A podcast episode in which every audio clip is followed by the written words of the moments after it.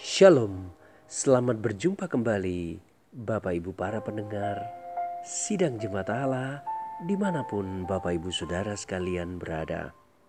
Saya percaya Bapak Ibu Saudara sekalian dalam kondisi yang sehat, diberkati oleh Tuhan dan dipelihara dalam segala kebaikan serta kemurahan Tuhan. Kita akan segera mendengarkan renungan firman Tuhan Mana from Heaven dengan judul Musuh dalam Selimut.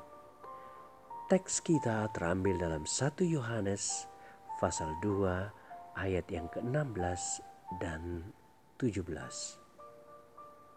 Sebab semua yang ada di dalam dunia yaitu keinginan daging dan keinginan mata serta keangkuhan hidup bukanlah berasal dari Bapa melainkan dari dunia. Dan dunia ini sedang lenyap dengan keinginannya. Tetapi orang yang melakukan kehendak Allah tetap hidup selama-lamanya. Bapak Ibu para pendengar yang dikasihi oleh Tuhan Yesus Kristus, robohnya sebuah rumah tidak hanya disebabkan oleh faktor luar saja, seperti bencana alam dan lain sebagainya, tetapi juga oleh faktor dalam, misalnya rayap. Rayap adalah binatang berukuran kecil dengan potensi daya rusak yang besar. Rayap diibaratkan oleh banyak orang sebagai musuh dalam selimut. Karena ia dapat berkembang biak dengan cepat dan sulit sekali dapat terdeteksi. Selain itu, ia memiliki kemampuan membentuk dan membangun koloni. Semakin luas cakupan koloni yang dibangunnya, semakin kuat pula daya rusak terhadap bangunan yang ada. Nah, jika sebuah bangunan dibiarkan diserang oleh rayap, cepat atau lambat bangunan tersebut akan ambruk karena tiang-tiang penyangga atau penopang rumah telah dibuat keropos dari dalam.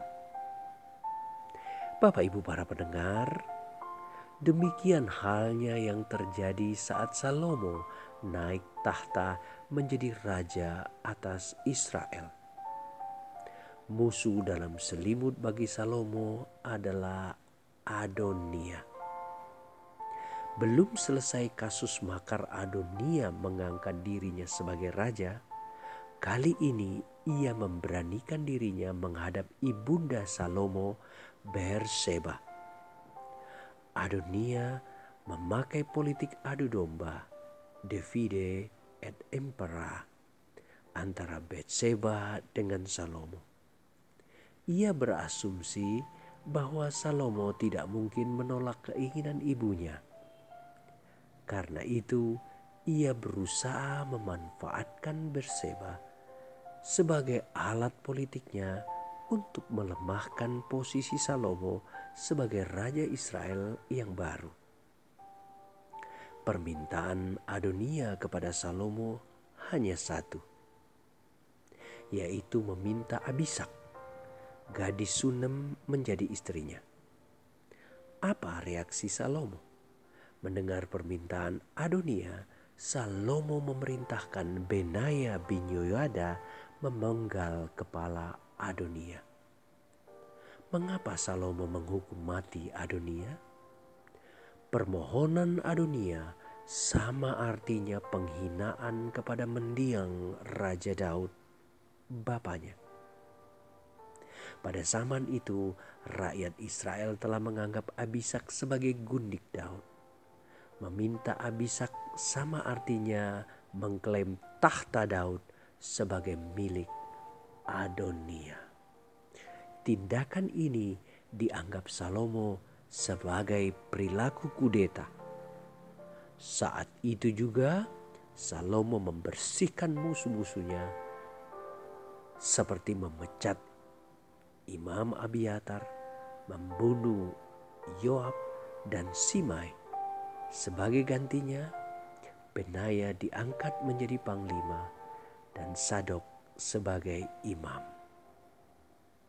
Dengan demikian, tahta Salomo menjadi kokoh kembali karena musuh dalam selimutnya telah disingkirkan. Nah, Bapak Ibu para pendengar yang dikasihi Tuhan, apakah musuh dalam selimut kehidupan kita?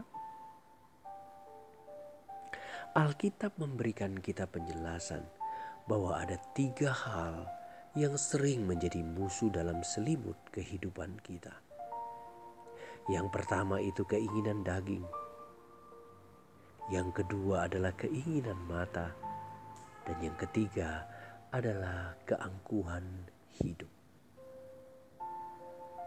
Keinginan daging menurut Galatia pasal 5 ayat 19 sampai 21 di situ dijelaskan perbuatan daging telah nyata yaitu percabulan, kecemaran, hawa nafsu, penyembahan berhala, sihir, perseteruan, perselisihan, iri hati, amarah, kepentingan diri sendiri, percideraan, roh pemecah, kedengkian, kemabukan, pesta pora, dan sebagainya.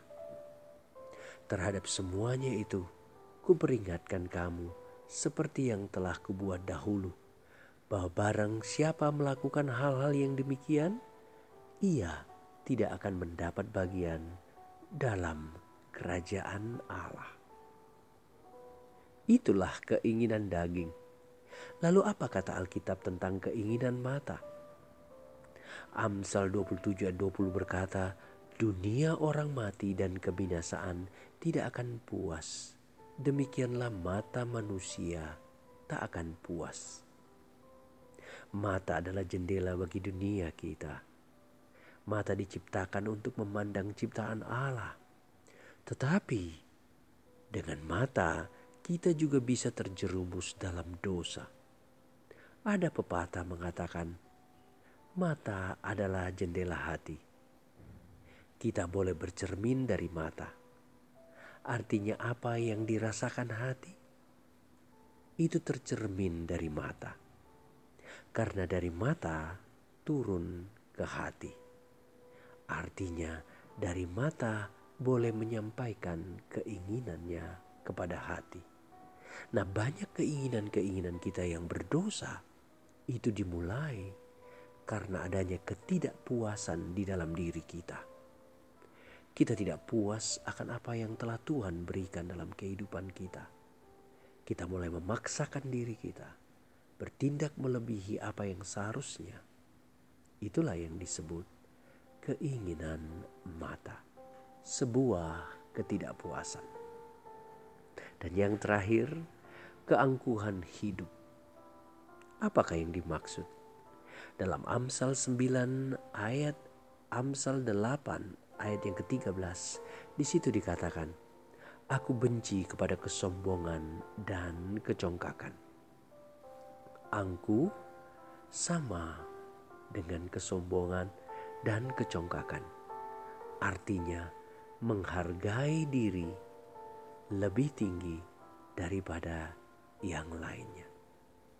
Keangkuhan ini dapat membutakan rohani kita dan membuat kita lupa bahwa segala yang kita peroleh hanyalah karena anugerah serta kemurahan Tuhan. Bapak Ibu para pendengar, itulah musuh dalam selimut kita. Kita dapat memenangkannya jika kita bergantung pada kebaikan serta kemurahan Tuhan. Waspadalah. Tuhan Yesus memberkati kita Bapak Ibu Saudara sekalian. Immanuel.